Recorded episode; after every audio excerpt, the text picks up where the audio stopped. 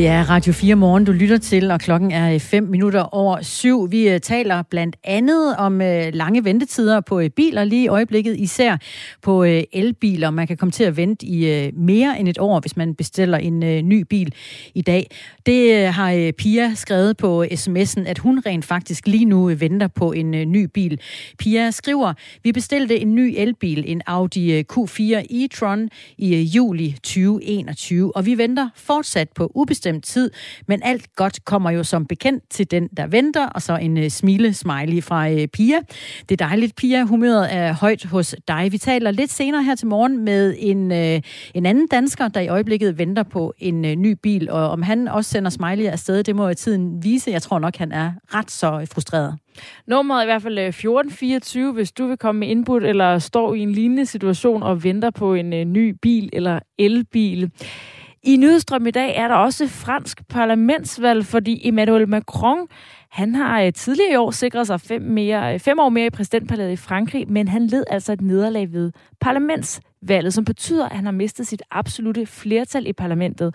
Og dermed så bliver det altså rigtig svært for ham at gennemføre sin politik, uden at samarbejde med de mindre partier. Vi skal tale om, øh, hvilke konsekvenser det er altså mere konkret får fra ham med en europakorrespondent ved Information lige om lidt. Så skal vi også tale om øh, ukrainere i øh, Danmark, om de skal organisere sig øh, fagligt. Det mener fagbevægelsen, og det mener også en forsker, som vi har talt med. Og så tænker jeg også, at jeg bliver nødt til at spørge, endnu en øh, forsker her lidt senere om, hvorfor i alverden er det så vigtigt, at ukrainere, der er flygtet til Danmark, bliver medlem af en øh, dansk fagforening. Det bliver her øh, cirka 20 minutter over syv. Nu er klokken 7 minutter over syv. Du lytter til Radio 4 morgen med Christina Ankerhus og Astrid Date. Godmorgen. Godmorgen.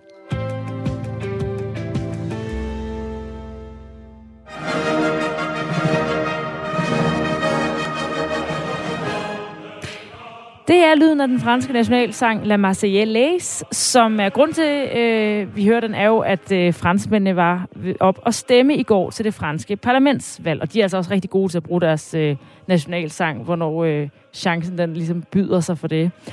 Og øh, Emmanuel Macron, han havde jo altså, øh, som jeg sagde lige før, sikret sig fem år mere i præsidentpalæet i Frankrig, men led et nederlag ved parlamentsvalget, som betyder, at han mister sit absolute flertal i parlamentet, og dermed ikke er i stand til at gennemføre sin politik uden at samarbejde med mindre partier. Tore Keller er europakorrespondent ved Information og med os i Radio 4 morgen. Godmorgen. Godmorgen, godmorgen. Hvor stort et nederlag er det her parlamentsvalg for Emmanuel Macron? Jamen, øh, nogle af hans øh, støtter, de kalder det over for Le Monde for et øh, maritsagtigt scenarie. Det resultat, vi altså fik i går ved, ved anden valgrunde, øh, det gør det rigtig svært for ham at skulle regere det her land, og det gør det rigtig, rigtig svært for ham at få en øh, regering igennem, som sådan fast kan gennemføre sin, sin politik. Så mange af de store reformer, som han har lovet at lave, blandt andet en pensionsreform osv., øh, det får han rigtig svært ved at få igennem øh, nu i det, det her nye franske parlament. Og når øh, han får svært ved, det, svært ved det, betyder det så, at, øh, at han skal droppe den her pensionsreform, for eksempel? Ja, det kommer lidt an på, hvem det er, han nu øh, forsøger at lave politik med, fordi hans eget parti og de øh, partier, som støtter ham, jamen de har ikke et øh, flertal i parlamentet. Det vil sige, at han skal lave en aftale med andre partier for at kunne gennemføre politik. Det kunne blandt andet være med de borgerlige i øh, Le Républicain, øh, som øh, faktisk gerne vil lave en pensionsreform. Så måske kunne han samarbejde med dem om, om sådan noget som det.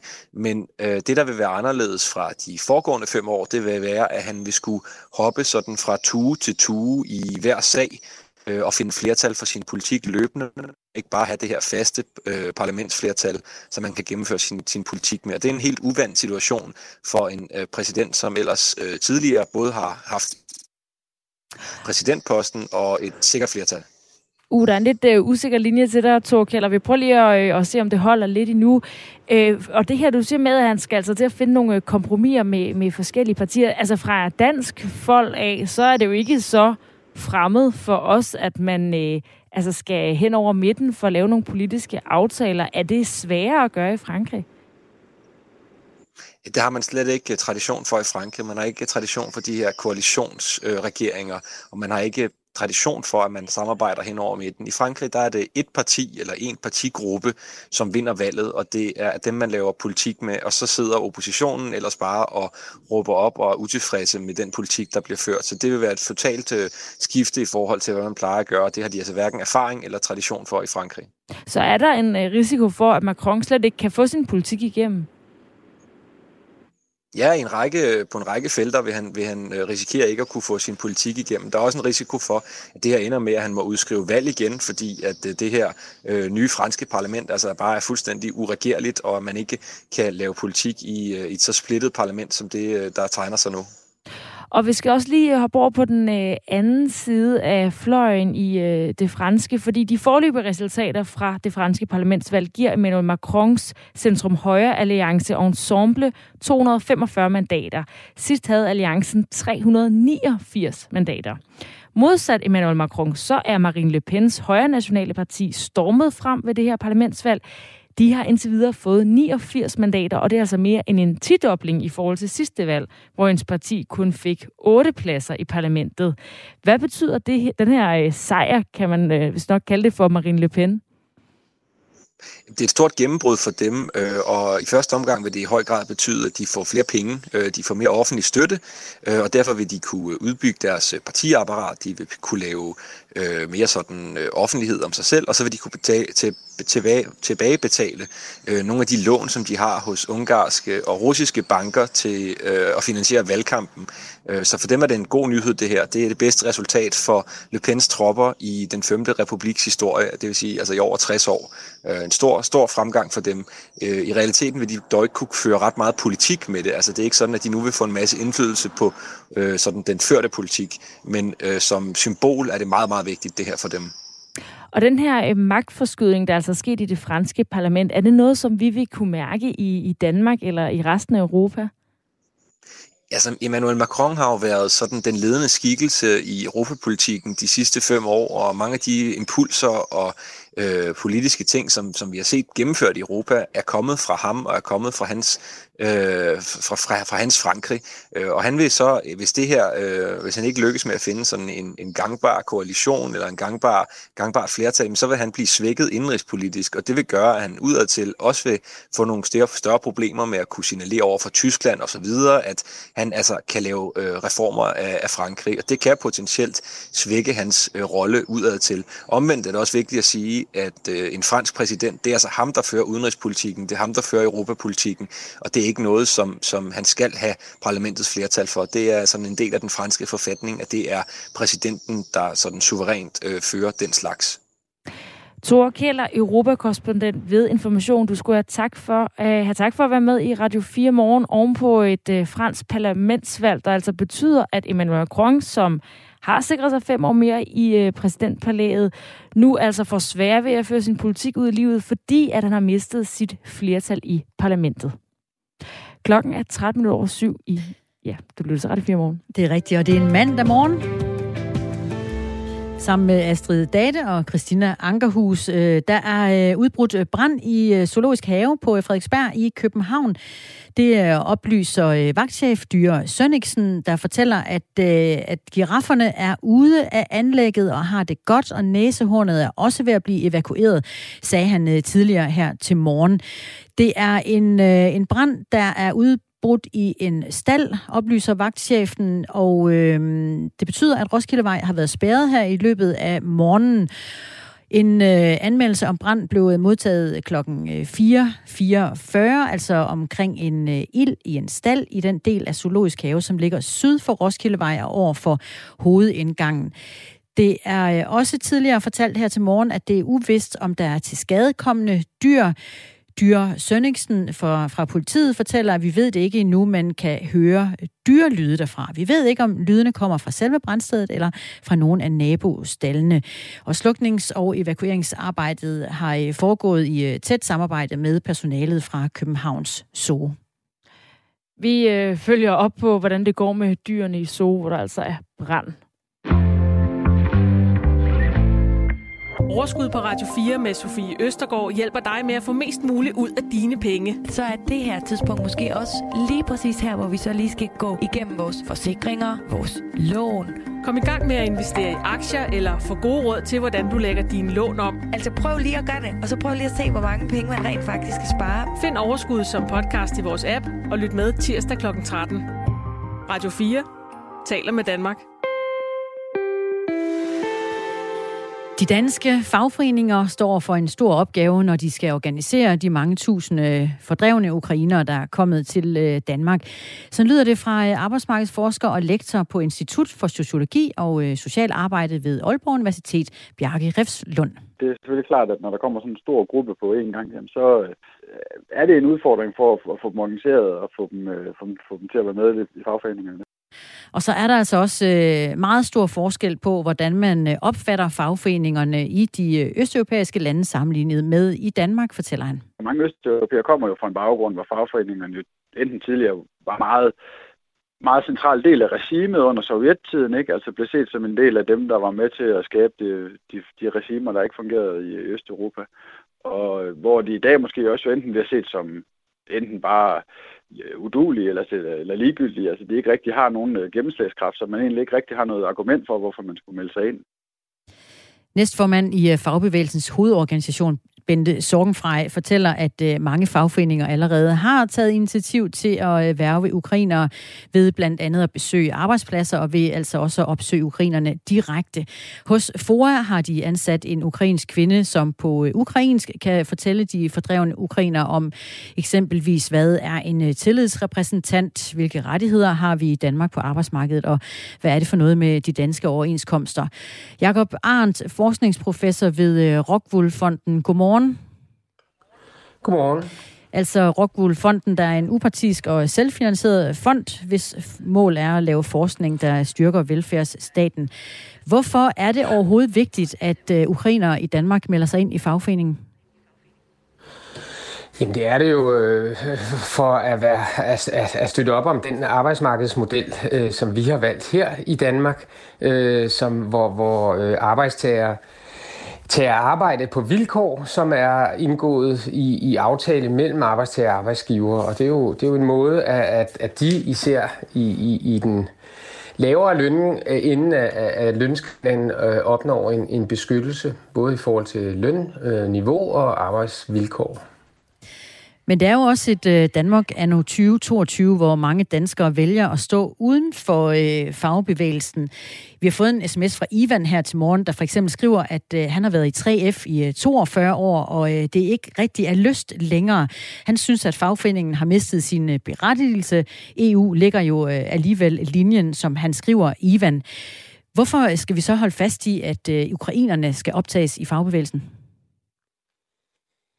Altså, man kan måske også øh, nuancere det lidt og sige, der er jo ikke, der er jo ikke øh, på den måde et krav, men der er et krav om, at uh, Ukraine, man, man, man kan, at arbejdsgiverne øh, øh, så vidt muligt stiller arbejdsvilkår, der lever op til overenskomsterne. Og der kommer her en gruppe af mennesker, som, øh, som vi også lige har hørt lidt om, øh, som, som, som ikke kender til den danske arbejdsmarkedsmodel og kender til nogle helt andre arbejdsmarkedsvilkår.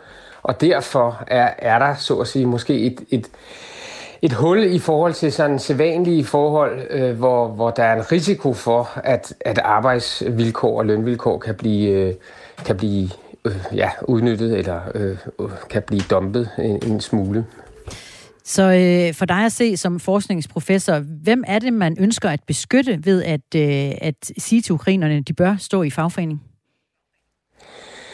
Jamen det er jo først, for, først og fremmest øh, øh, dem selv øh, på, på, på sigt. Det er klart, de, de, de ankommer jo i en, i, i en situation, hvor, hvor, hvor, hvor, hvor det er svært at komme ind på arbejdsmarkedet, så kan det være øh, fristende at sige ja til, øh, til, til lønvilkår, der ligger under, hvad, hvad, hvad det normale er. Men, men ved at være medlem af, af en organisation, så får de selvfølgelig øh, nogle, nogle vilkår, en beskyttelse i ryggen i forhold til både løn og, og, og arbejdsvilkår. Øhm, men, men, men på den lidt længere bane er det selvfølgelig også et, en, en tanke at beskytte den, øh, den danske model øh, som sådan. Men, men, men igen, øh, vi kan jo ikke kræve, at nogen skal, skal organisere sig, men de skal vide, kende til de danske forhold øh, og den danske arbejdsmarkedsmodel, hvordan, hvordan vilkår er, er bygget op. Og den danske model, det, det er jo det, vi kalder den måde, som arbejdsmarkedet er øh, organiseret på i øh, Danmark. Det er måden, vi aftaler løn og arbejdsvilkår på de enkelte arbejdspladser. Og en central del af den model er jo, at det er arbejdsgiverne og lønmodtagerne, som øh, altså repræsenteret af fagforeningen, der aftaler lønnen og arbejdsvilkårene i overenskomsten. Det her, man bliver enige om de mange forhold, for eksempel retten til efteruddannelse, vilkår for arbejdsmiljø og ikke mindst, hvad, hvad løn og tillæg for overarbejde skal være. Kunne vi forestille os, at vi kunne hjælpe ukrainerne til at forstå de her ting og være en del af det, uden at de nødvendigvis skulle være i en fagforening? Jamen, det, det kan man jo sagtens i, i princippet sagtens forestille sig. Øh, vi, er øh, forskellige informationskanaler og netop nogle af de besøg øh, på arbejdspladser osv., I netop har, har, har, har fortalt om, og så er det jo i princippet en, et, et, et eget valg, de kan gøre, ligesom danske arbejdstagere tager, selv tager et valg. Øh, men, men, men, men der ligger en stor opgave forud, fordi de kommer fra, og, og informere om det her, fordi de kommer fra så anderledes vilkår.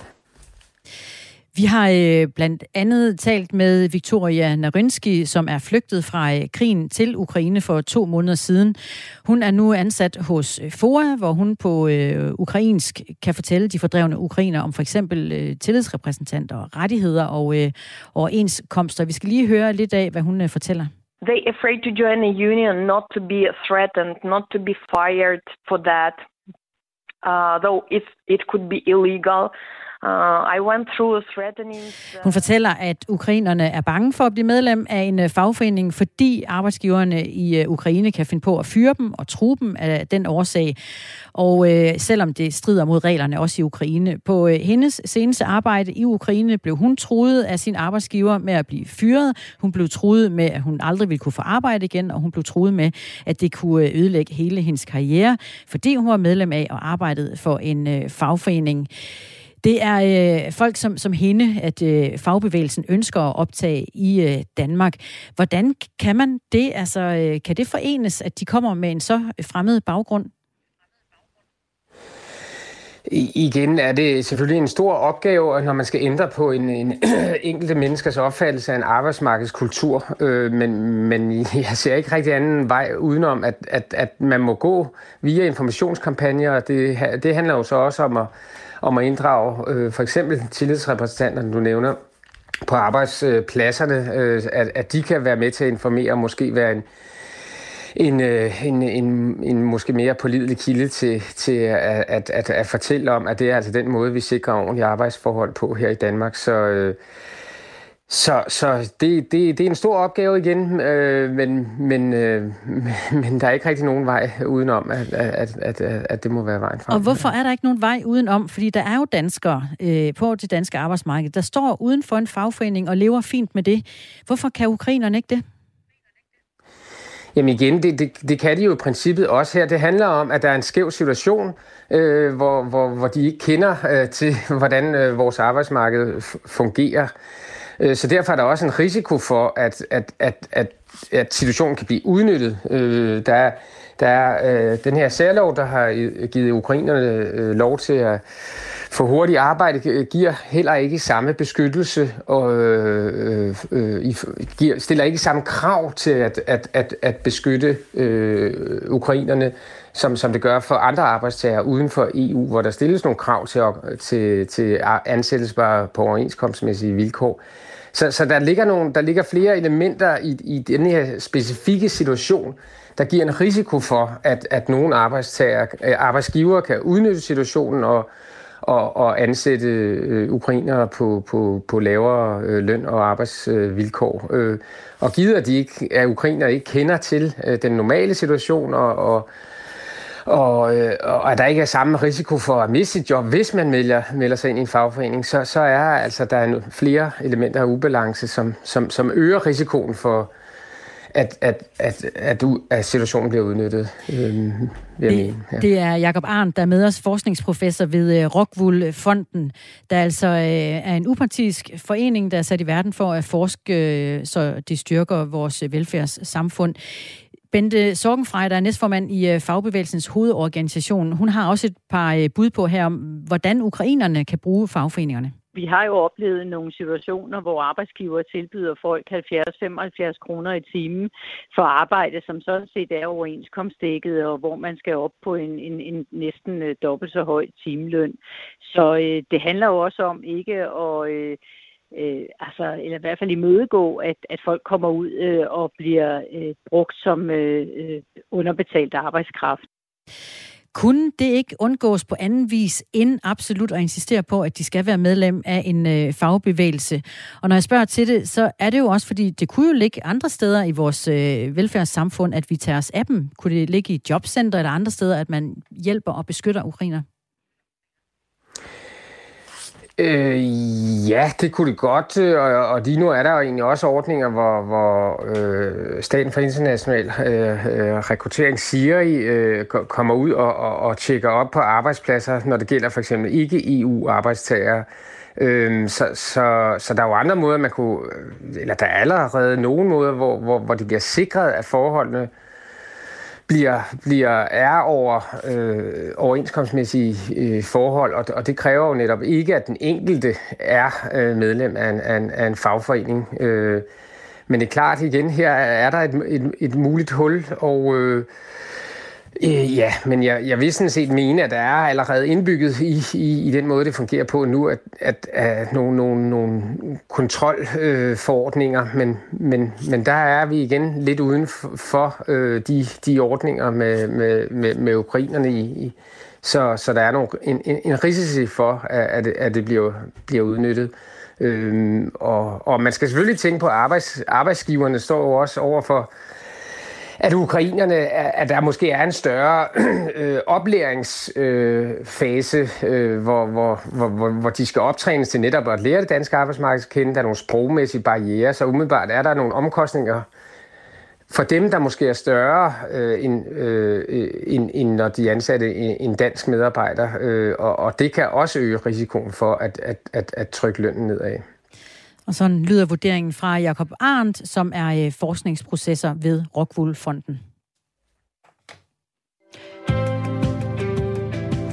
Vi er glade for, øh, når du griber telefonen og skriver en, øh, man har næsten lyst til at sige gammeldags sms til 1424 med input eller erfaringer til det, vi taler om. Det har Lars Madsen blandt andet gjort og skriver, vi danskere bliver altså også fyret, hvis vi får meget frem i skoen, når der er fyringsrunde. René fra Mors skriver, fagforeningerne burde vejlede ukrainerne uden beregning, da der er brug for deres arbejdskraft. Det virker som fagforeningerne er stopklods for ukrainerne. Han mener altså, at de skal kunne være medlem af fagforeningerne uden at betale. Der kom lige en uh, sms i dette øjeblik, også hvor der står, hvis ukrainerne får uh, job i en organiseret virksomhed, der har overenskomst, får de overenskomstmæssig løn selv uden at være øh, medlem. Altså et øh, form for argument, tænker øh, jeg på, at de ikke nødvendigvis behøver at være medlem af en fagforening. For at få fordelene. Mm. Der er også en, der skriver, at vi skal under ingen omstændigheder acceptere, at ukrainerne skal arbejde under ringere vilkår end andre. De skal have samme vilkår og løn som alle andre. Arbejdsgiver, som udnytter de flygtede ukrainer, er ganske enkelt udbyttere. Og det er der måske mange, der er enige om, men øh, spørgsmålet er altså, hvad man skal gøre for at sikre sig, at ukrainerne arbejder under rigtige, de rigtige forhold, når de er i Danmark. Må jeg øh, komme med en god nyhed? Ja, altid. det er nemlig, at DMI øh, forudser, at vi får en solrig Sankt Hans aften på øh, torsdag. Selvom det ser lidt øh, skidt ud til at begynde med øh, her i øh, ugen, sådan lidt halvkedeligt vejr, kan man vist godt kalde det, så bliver det altså bedre hen imod torsdag, hvor der kommer en højtryksfront ind over Danmark, som så sparker noget af den værste regn væk, vi har her de næste dage. Så den bliver altså pænere og pænere hen imod torsdag, og det er noget, som Anja Bodholdt fra DMI, hun fortæller til Ritzau. Hun snakker om temperaturer omkring de 20 grader om aftenen, og så skulle det altså også være både vindstille og, og solrigt uh, det lyder hyggeligt. Må jeg lige spørge med et dumt spørgsmål, så er det Sankt Hans, hvor vi fejrer den længste dag? Det der, øh, ja, altså det er den længste dag er vel den øh, 21. Er det ikke sådan der? Og så fejrer vi Sankt Hans den 23. Ja, 23. som er dagen ja. efter. Ja, okay, godt nok. Og altså i øh, godt vejr. Det er jo dejligt, når der skal være bål, at der ikke står en, øh, især det med vindstille, at man ikke står i den, den der side, hvor man får røg og svider i øjnene, når man skal stå Lige og prøve præcis. at synge, øh, synge sang. Det gør man uanset, hvor man står ved et bål, så vil man altid få røg i øjnene. Sådan er det. På den anden side af øh, nyhederne, som vi skal om lidt, der skal vi tale om DM i cykling, som indfører coronarestriktioner. Det er tilbage til de dårlige nyheder. Vi troede, det var slut, men der er altså en frygt for, at det kommer til at ødelægge danskernes Tour de France, så restriktionerne er tilbage. Først så har vi altså nyhederne klokken, den er halv otte.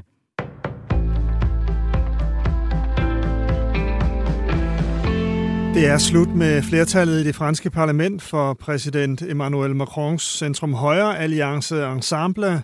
Koalitionen fik 245 mandater ved parlamentsvalget i går og mister sit flertal. Dermed får præsidenten og hans koalition sværere betingelser, siger informations-europakorrespondent Thor Keller.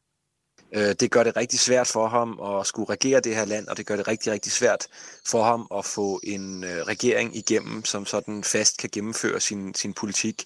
Så mange af de store reformer, som han har lovet at lave, blandt andet en pensionsreform osv., øh, det får han rigtig svært ved at få igennem øh, nu i det, det her nye franske parlament. Den franske præsidents rival på højrefløjen, Marine Le Pens parti, National Samling, fik et godt valg. Vælgerne gav National Samling 89 pladser, hvilket er mere end en tidobling i forhold til før. Det er det bedste resultat for Le Pens tropper i den 5. republiks historie, det vil sige altså i over 60 år. Øh, en stor, stor fremgang for dem. Øh, I realiteten vil de dog ikke kunne føre ret meget politik med det. Altså det er ikke sådan, at de nu vil få en masse indflydelse på øh, sådan den førte politik, men som symbol er det meget, meget vigtigt det her for dem fortalte Thor Keller fra Information. To centrale embedsfolk i Støjberg-sagen får advarsler. I december måned sidste år blev der afsagt en historisk dom i rigsretten mod tidligere integrations- og udlændingeminister Inger Støjberg. Nu får sagen også et endeligt punktum for to af sagens centrale embedsmænd, der var involveret i forløbet, hvor der blev iværksat en praksis, hvor unge asylpar i strid med loven blev adskilt uden en individuel vurdering. Lykke Sørensen og Lene Vejrum har hver især fået en disciplinær advarsel for deres roller som tidligere afdelingschef i departementet og daværende vicedirektør i Udlændingestyrelsen. Det viser en agtindsigt, som Altinget har fået i Justitsministeriet. En advarsel er den mildeste af de disciplinære straffe, som kan gives til en tjenestemand. Hverken Lykke Sørensen eller Lene Vejrum er enige i Justitsministeriets vurdering. Rådet for Sikker Trafik frygter flere spritbilister denne sommer. En restriktionfri sommer med fester og festivaler får rådet og politiet til at frygte, at flere sætter sig beruset bag rattet. Derfor sætter landets politikredse fra i dag og seks uger frem ekstra fokus på at tjekke bilisternes promiller. Sommeren er i forvejen en af de perioder af året, hvor der sker flest spritulykker. Sidste år blev der i snit sigtet 18 personer om dagen for spritkørsel i juni og juli, men i år frygter Rådet for Sikker Trafik, at det tal kan blive endnu højere, siger senior projektleder Morten Vener nu har vi jo haft øh, to år med, med, med corona, og nu har vi så en sommer uden nogen former for restriktioner med rigtig mange festivaler og byfester og havnefester, for slet ikke at nævne alle de private fester, som er blevet aflyst øh, de, de seneste par år. Han opfordrer til, at man på forhånd aftaler, hvem der kører, eller hvordan man kommer hjem. Giraffer og næsehorn er reddet ud under en brand i So i København. Brandvæsenet og Københavns politi er tidlig i morges rykket ud til en brand i Zoologisk Have på Frederiksberg. Der er brand i en stald, oplyser en vagtchef. Girafferne er reddet ud af anlægget og har det godt. Næsehornet er også ved at blive evakueret, siger han kort efter klokken 5. Der er ild i en stald i den del af den zoologiske have, som ligger syd for Roskildevej og over for hovedindgangen. Det er her til morgen uvist, om der er til skadekommende dyr. En del byer, men indimellem også lidt sol, 15-18 grader og svag til jævn skiftende vind. I aften klarer det op, og i nat bliver det tørt og mest klart, ned mellem 8 og 13 grader.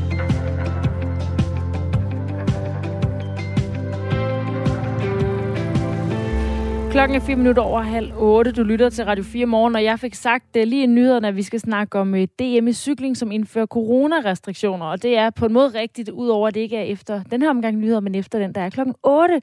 Så bliv hængende til 7 minutter over 8, hvor vi skal tale om, at det coronasmitte altså øh, er noget, der skaber frygt for, at man kan ødelægge danskernes Tour de France. Vi har jo øh, altså fuld tryk på Tour de France-måleren, som... Øh, jo spreder sig i landet med Tour de France-feber, men det er en øh, anden og mere reelt slags feber, der lige nu skaber bekymring, fordi senere i den her uge, altså godt en uge inden turen løber af stablen i København, så samles landets dygtigste cykelrytter i Aalborg til Danmarksmesterskabet. Og her har man nu altså valgt at indføre coronarestriktioner. Klokken 7 minutter over 8, der taler vi med Danmarks Cykleunion og en epidemiolog epidemiolog om de tiltag. Og inden vi når dertil, så skal vi øh, tale om den øh, nuværende fødevarekrise, som er øh, internationalt, på grund af, at vi ikke får ved ud af Ukraine, som vi plejer. Der skal findes en løsning på det, for det står altså rigtig slemt til i, i mange lande over hele verden. Hele verdens brødkurv er lukket i. Det kommer vi til at tale om her om lidt. Først så skal vi altså se på de usædvanligt lange leveringstider på nye biler, og særligt for elbiler. Frustrationen er nemlig til at mærke hos en kommende elbilsejer, der har ventet på sin nye drømmebil siden november sidste år og stadig venter. Der er jo altså øh, lange leveringstider. For eksempel en øh, Kia EV6, der i år fik titlen som årets bil i Europa, har helt op til 14 måneders leveringstid. Og hvis drømmebilen er en Opel Corsa E eller Audi Q4 e-tron, så skal man vente 12 måneder. FDM, der er Danmarks største interesseorganisation for bilister, beskriver situationen sådan her. Det er jo en historisk øh, situation, fordi den adskiller sig fra alt det, vi har set tidligere ved at omfatte næsten alle nye biler på markedet, og det betyder, at uh, uanset om man skal have den ene eller den anden bil, så skal man altid væbne sig med meget stor tålmodighed. Så lød det fra Søren Rasmussen, der er bilteknisk redaktør på FDM's medlemsblad Motor. Søren Åkesen er en af de mange danskere, der lige nu er påvirket af de lange leveringstider. Godmorgen.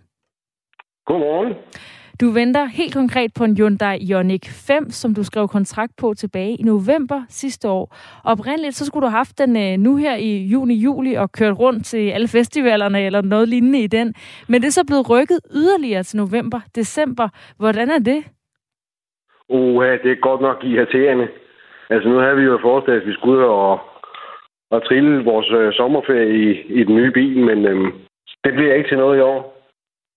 Og årsagen til de lange ventetider er altså ifølge Søren Rasmussen fra FDM et samsurium af en masse uheldige omstændigheder. Dels har vi en global krise, der handler om, at der er større efterspørgsel efter de her halvledere, eller chip kalder man dem også. Men alt det her, det er blandet sammen med leveringsproblemer, blandt andet på grund af, at man havde et skib, der sad på tværs af Suezkanalen. Man havde lukket havnene i Kina på grund af coronanedlukninger, og man har nu oven i det hele en krig i Ukraine, der gør, at øh, underleverandører til bilfabrikkerne ikke kan levere varer. Der er altså flere årsager til, at der bliver produceret langt færre biler, end der er kunder til. Og en af de kunder, altså dig, Søren Åkesen. Hvad gør du? Venter du på, at den her bil altså bliver leveret i, øh, hvad der nu hedder november, december, eller er du begyndt at tænke i andre baner? Nej, altså vi har besluttet os til at vente til øh, bilen bliver leveret, for det bliver en ligegyldigt, hvad for en bil vi går hen og, og vælger, medmindre det bliver en almindelig diesel- eller benzinbil. Og så er hvad, det der ventetiden jo stadigvæk det der et halvt til halvanden år eller sådan noget. Jeg ved, du har en uh, Skoda Octavia lige nu, der kører på diesel, som lige nu koster 16 kroner per liter. Hvordan påvirker priserne dig og dit bilforbrug lige nu? Uh, det er rigtig, rigtig grimt. Som pensionist har man jo ikke så meget at gøre godt med. Så vores kørselsforbrug det bliver skåret rigtig meget ned. Så øh, kørsel ud i den store natur og, og nyde den, det er meget, meget, meget, meget let, der sker i øjeblikket. Og derfor så vil du altså også øh, rigtig gerne skifte til en elbil, men, men øh, venter altså på de her lange øh, leveringstider. Vi har talt om øh, i løbet af den her morgen, at det jo har fået rigtig godt gang i brugtbilsmarkedet. Hvis du virkelig gerne vil have en elbil, kunne du så ikke købe en, en brugt en af slagsen i stedet for? Jo, det kunne jeg måske godt, øh, hvis der var nogen, der var til salg. Det, det har jeg ikke undersøgt markedet for, om der er. Øhm, øh, men jeg, ja, jeg, jeg, jeg vil gerne vente til, til der kommer en ny, og så, øh, for jeg tror, det bliver den sidste bil, vi skal, vi skal til at investere i, og derfor vil vi godt have en helt ny fra start af. Ja, tidligere på morgen, der talte vi med Brian Osbæk, der har sin egen bilforretning, som udelukkende sælger brugte biler, og han fortalte, at kunderne er villige til at betale mere end nyprisen for en brugt bil, der har et halvt til et helt år på banen, for at undgå de her lange leveringstider. Brugtbilsmarkedet er så til gengæld øh, modsat de nye øh, historisk højt. Og det har i hvert fald gjort i vores butik, at vi lykkes, øh, lykkes rigtig godt med tingene, og, og mange kunder også kigger den vej, hvor det hedder en brugt bil i stedet for, som jo typisk står hos os og kan leveres inden for ganske få dage. Men du er altså ikke interesseret i at købe en brugtbil, Søren Åkesen. Du vil gerne have en ny, fordi den skal kunne holde længe, men kunne du i virkeligheden ikke så måske købe en, der har lidt mindre leveringstid? For eksempel en øh, Peugeot øh, 800, 208. Øh, den har kun tre måneders leveringstid. Jo, men det kommer også an på, når man skal op og give de priser, som vi nu engang skal på elbilerne, så vil vi også godt lige præcis have den, der, der, der tænder en mest, ikke? Altså, som man er mest interesseret i. Og det er altså i de tilfælde en Hyundai Ioniq 5, hvor øh, leveringstiden er blevet udskudt flere gange, og lige nu altså står til, at du kommer til at skulle have ventet et år, og først får den i øh, november eller december. Hvornår tror du reelt, den kommer til at stå i din indkørsel? Uh, uh. Altså reelt, så tror jeg først, det bliver en gang til næste år. Februar, marts måned. Men, øh, men det er altså det værd i forhold til øh, de øh, høje øh, benzinpriser, at øh, at vente på den? Ja, men det bliver jo ikke anderledes. Altså, selvom vi øh, går hen og...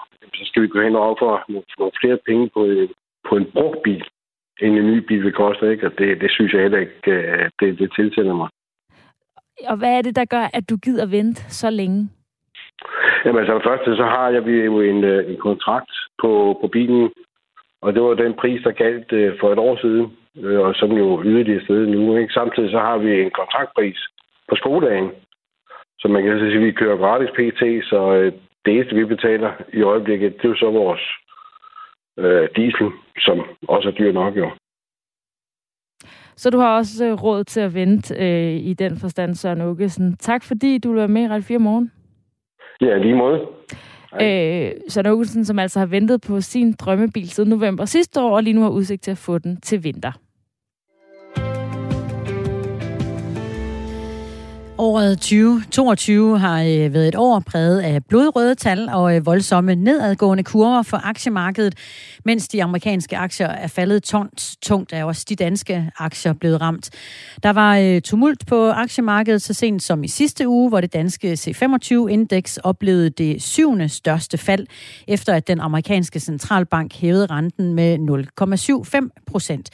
Hele situationen får nu investeringsøkonom hos Nordnet, Per Hansen, til at øh, kalde det en recession, altså en periode med øh, faldende økonomisk vækst for uundgåelig. For det første er det sådan, at den høje inflation, den spiser rigtig meget af den amerikanske forbrugers købekraft. Og da den amerikanske forbruger er en meget betydelig del af den amerikanske økonomi og står for ca. 70% af den amerikanske økonomi, og den amerikanske økonomi er meget vigtig for den globale økonomi, og dermed for det, som vi oplever i Danmark og Europa, så er det meget vigtigt. Den anden ting, det er, at øh, meget høj og ukontrolleret inflation, meget store prisstigninger, jamen det er ikke ønskværdigt, det er ikke ønskeligt, hverken for privatforbrugeren og heller ikke for samfundsøkonomien. Og det er derfor, at den amerikanske centralbank øh, nu skal til at indhente noget som af det, som de er kommet bagud med. De har holdt renterne alt for lavt alt for længe, og det giver altså pres på inputfaktorerne, og det presser inflationen op. Og kombinationen af meget store prisstigninger, som spiser af din købekraft, og stigende renter, som gør det meget dyrere at finansiere en bolig, og som får ejendomspriserne til at falde, jamen det er det, der formentlig vil gøre, at den amerikanske økonomi, som er verdens vigtigste, i løbet af slutningen af 2022 og ind i starten af 2023 formentlig vil opleve et par kvartaler mindst med negativ vækst. Den skræntende økonomi på verdensmarkedet skal tages alvorligt, og øh, vi går ud over den almindelige dansker, fortæller investeringsøkonomen. Uden at male fanden på øh, væggen, så er det noget, man skal tage alvorligt og være bekymret for. Og det er jo fordi, at når økonomien en gang imellem trækker sig sammen, når vi oplever negativ vækst, når vi oplever økonomisk tilbagegang, så er det på den ene side, og det er måske lidt den gode, det gode aspekt, så er det fordi, vi har brug for at få renset luften, så er det fordi, der har været for meget gang i den, der har været for mange fester, de har været for, for dyre, og vi har brug for at få renset luften. Den negative side af det, det er jo altid, at øh, når vi oplever en økonomi, der trækker sig sammen, så er der jo nogen, der skal være med til at betale den her på investeringsmarkedet. Der er det aktionærerne. Og i den virkelige verden, jamen der kan man jo sige, at dem, der betaler regningen nu for en meget lang fest, jamen det er jo dem, der oplever, at øh, det er blevet meget dyrere at være amerikaner, eller for den sags skyld at være dansker, når vi skal ud og fylde for eksempel indkøbskurven med varer. Centralbankerne har allerede hævet renterne og gjort det dyrere for os at låne penge, og det er ifølge Per Hansen vigtigt med en økonomisk bremseklods. Hvis vi ikke gør det nu, så kommer de her ting, de kommer ud af kontrol. Så stiger priserne meget markant. Så kommer vi til at få det, der hedder en løn- og prisspiral. Og så har inflationen set på i en længere henseende, så har den bidt sig fast. Og det er langt, langt værre, end hvis vi tager sådan en, hvad kunne man kalde det, økonomisk chokkur, som noget af det, vi kommer formentlig til at se i løbet af de næste 6-12 måneder. I sidste uge oplevede det danske C25-indeks, det øh, indeks, der består af de 25 mest omsatte danske aktier på Københavns Fondsbørs, det øh, syvende største fald nogensinde.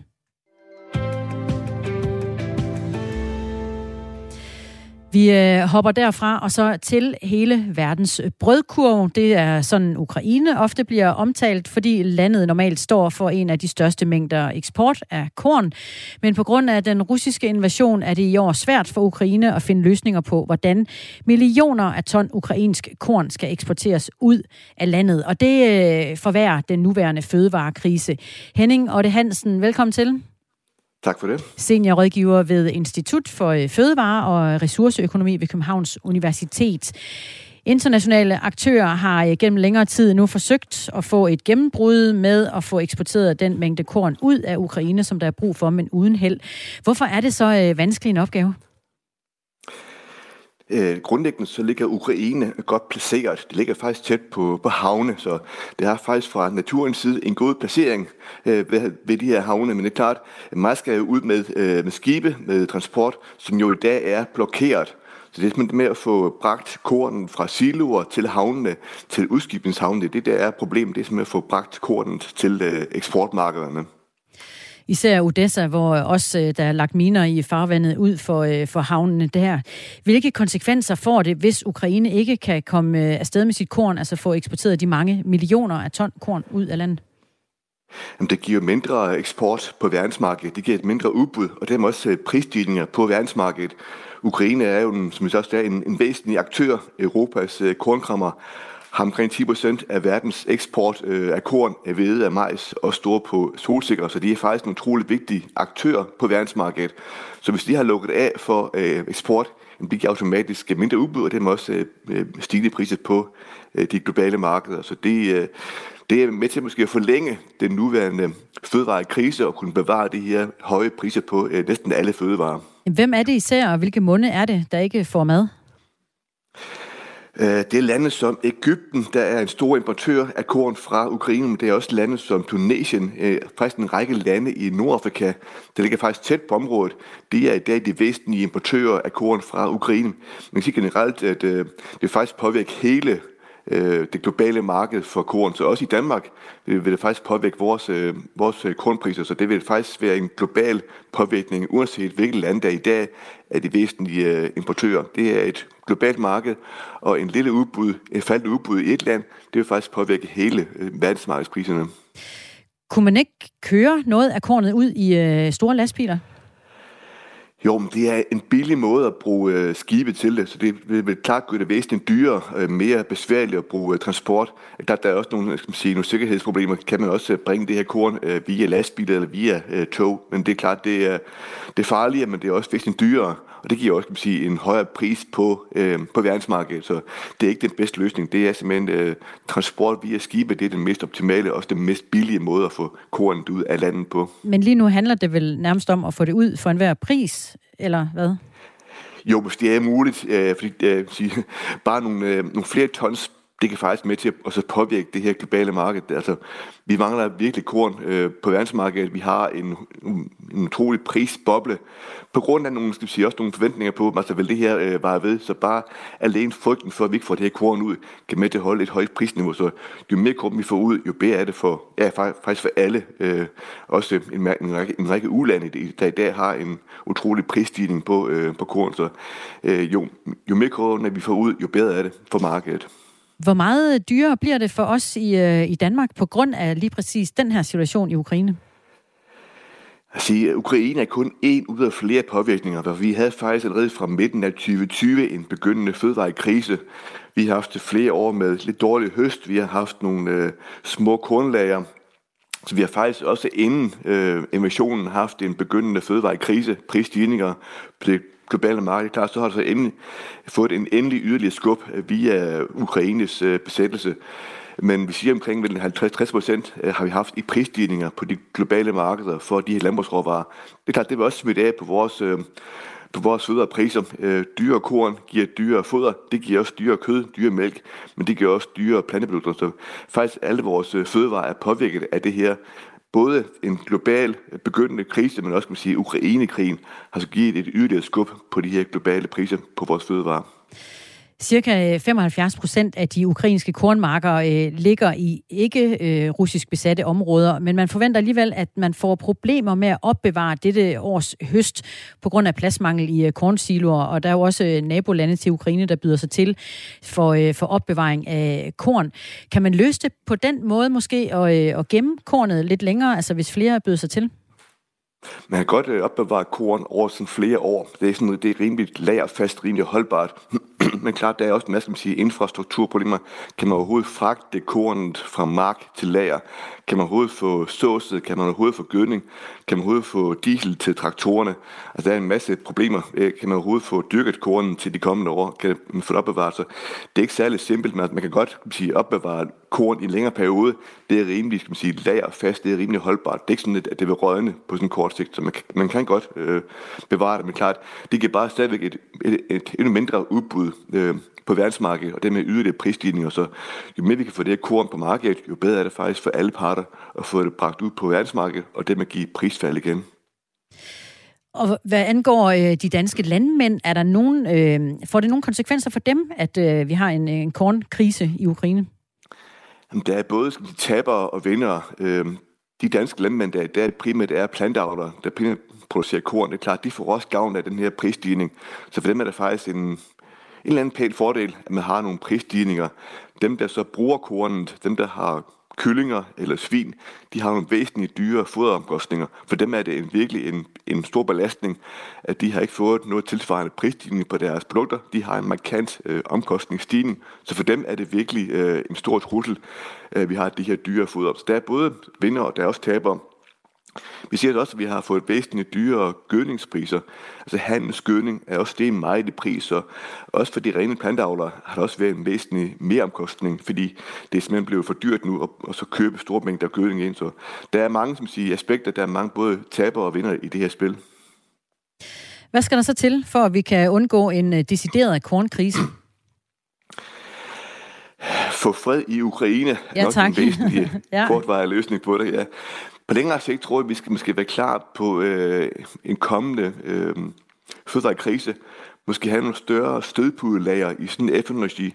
Have en større grad af oplæring af korn, så man kan bruge det, når vi får næste igen, øh, krise. Altså kunne, simpelthen kunne uh, tømme lærerne, øh, hvis vi har det pas store stødpudelager. Det tror jeg kan være en væsentlig øh, hjælp. Vi ser typisk, at øh, små kornlager, det giver dyre kornpriser.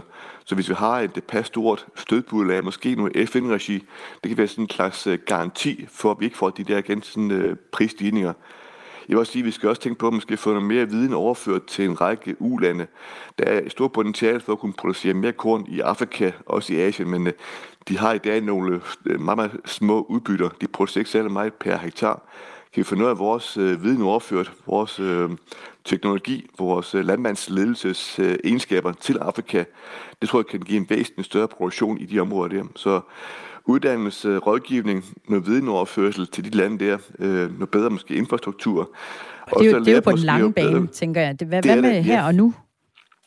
Men der er ikke, der, der er ikke nogen sådan uh, nem løsning på den, på den sådan korte bane. Altså, få stoppet krigen i Ukraine, og der er stadigvæk en del kornlager i verden.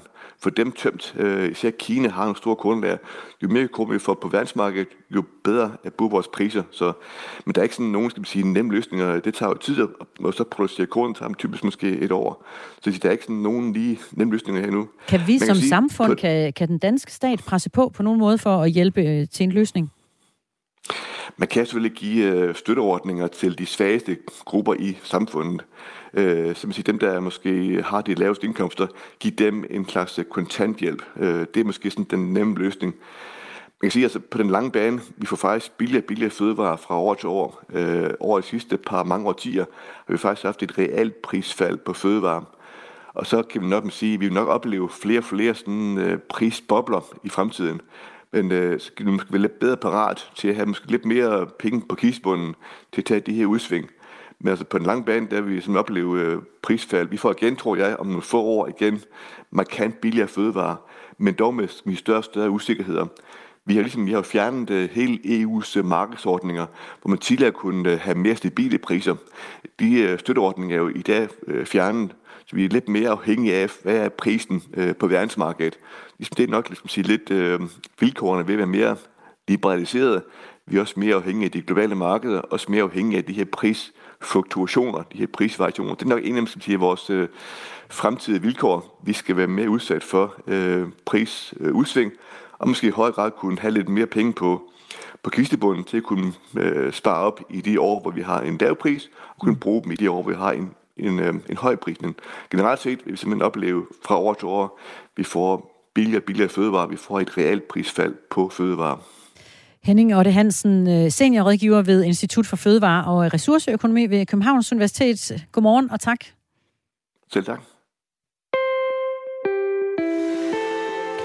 Klokken er 4 minutter i 8 og en omgang nyheder. Og inden da, Christina, så er det altså lige fødselsdags-quiz-tid. Jepper, jeg er klar. Dagens øh, quiz går ud på, at jeg nævner fem begivenheder, som skete i dag i et, altså den 20. juni, et givet år. Og så skal du sætte de her fem begivenheder i rækkefølge. Og det begynder simpelthen til lyden af det her.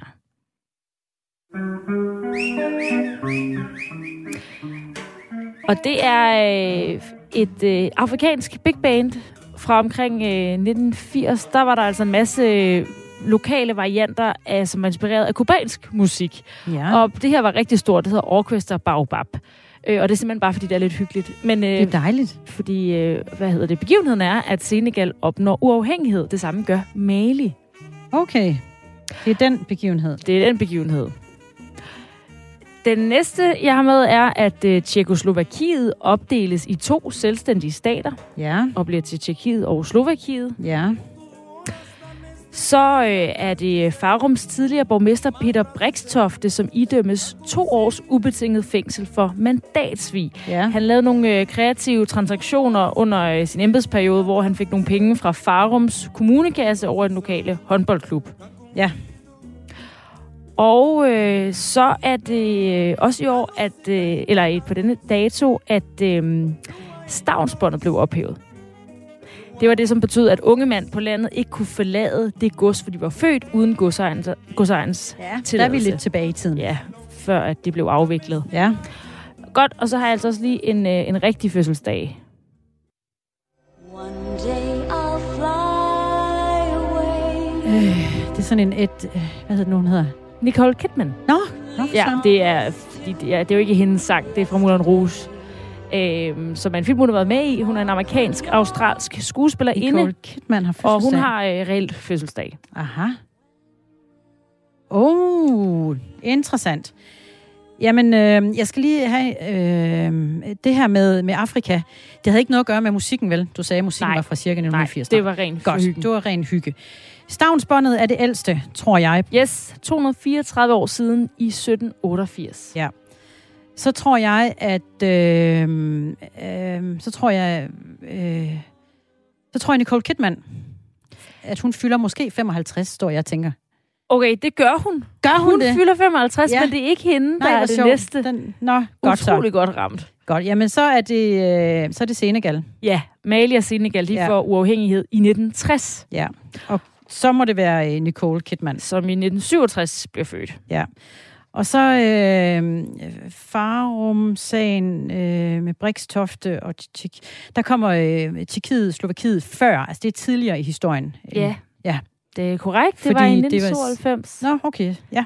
1992, så blev de Godt. øh, i to selvstændige Og hvad farven? Var det 99 eller 2000? Jamen, jeg tror, at det snyder lidt, fordi det var en utrolig lang øh, retssag. Ja. Eller sådan, der, det var meget sådan, øh, det træk i langdrag, der kom nye oplysninger og sådan noget. Så Ja. det var først i 2006, at han altså blev idømt oh. to års ubetinget fængsel for Godt, men mandatsvig. den lå rigtigt på tidslinjen, om ikke andet. Lige præcis. Du Ja. fik simpelthen øh, fem ud af fem rigtige, Nej, det gjorde jeg så ramte... ikke helt. Det gjorde jeg faktisk ikke. Jeg havde Nicole Kidman forkert. Nå, for pokker. Ja. Det er rigtigt, men det var fordi, Ja. du ramte hendes fødselsdag. Det var jeg Ja. så imponeret over. Så på den måde, så næsten. Skal jeg lige nå lynhurtigt øh, dyrene i zoologisk have? Der er ikke sket noget med girafferne, øh, skal jeg lige skynde mig at sige, efter den brand, der var øh, tidligere til morgen. Det oplyser Københavns Zoos kommunikationschef Jakob Munkholm øh, her til morgen. Nu er klokken... Sorry. Øh, 8, og vi skal have nyheder.